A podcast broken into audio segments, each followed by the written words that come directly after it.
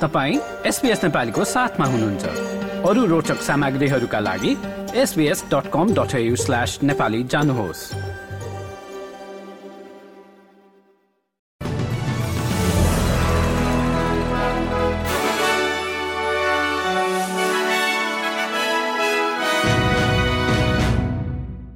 नमस्कार।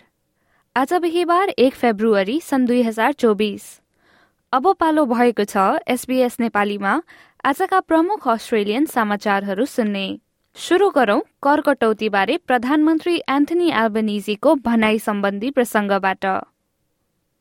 तल्लोदेखि मध्यम आय भएकाहरूका लागि ठूलो कर छुटले ब्याज दर घटाउन ढिलाइ गर्ने र अन्तत ठूलो पीड़ा निम्त्याउने दावीलाई प्रधानमन्त्रीले अस्वीकार गरेका छन्।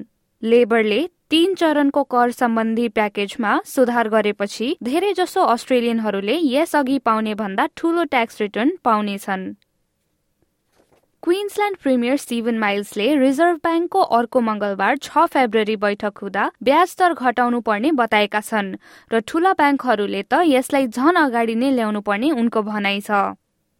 यस हप्ता जारी गरिएको तथ्याङ्कमा मुद्रास्फीतिको आंकडा सोचेभन्दा राम्रो देखिएपछि चाँडै नै ब्याज दर घट्ने आशा बढाएको छ। धेरै क्लिनिकहरूले बल्क बिलिङ प्रस्ताव गरे तापनि अपोइन्टमेन्टका लागि तिर्नुपर्ने मूल्यका कारण बिरामीहरू जीपी कहाँ नजाने क्रममा वृद्धि भएको बताइन्छ।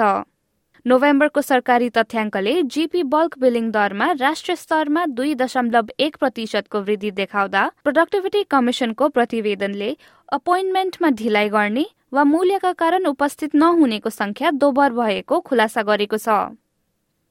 अस्ट्रेलिया र न्यूजील्याण्डका रक्षा र विदेश मन्त्रीहरू आज फेब्रुअरी एक मेलबर्नमा पहिलो पटक सँगै एन्समेन उद्घाटन बैठकमा भेला हुँदैछन्। ट्रान्स टास्मेन बैठकमा न्यूजील्याण्डले अस्ट्रेलिया अमेरिका र बेलायतसँग गहिरो सैन्य सम्बन्धका बारे थप बुझ्न खोज्ने बताइएको छ।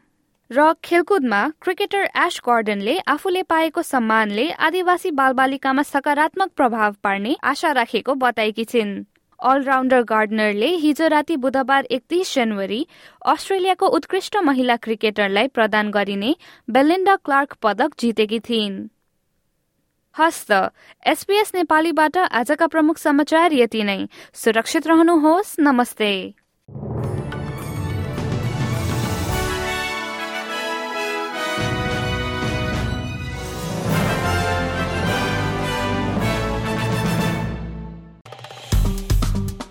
लाइक सेयर र कमेन्ट गर्नुहोस्। एसपिएस नेपालीलाई फेसबुकमा साथ दिनुहोस्।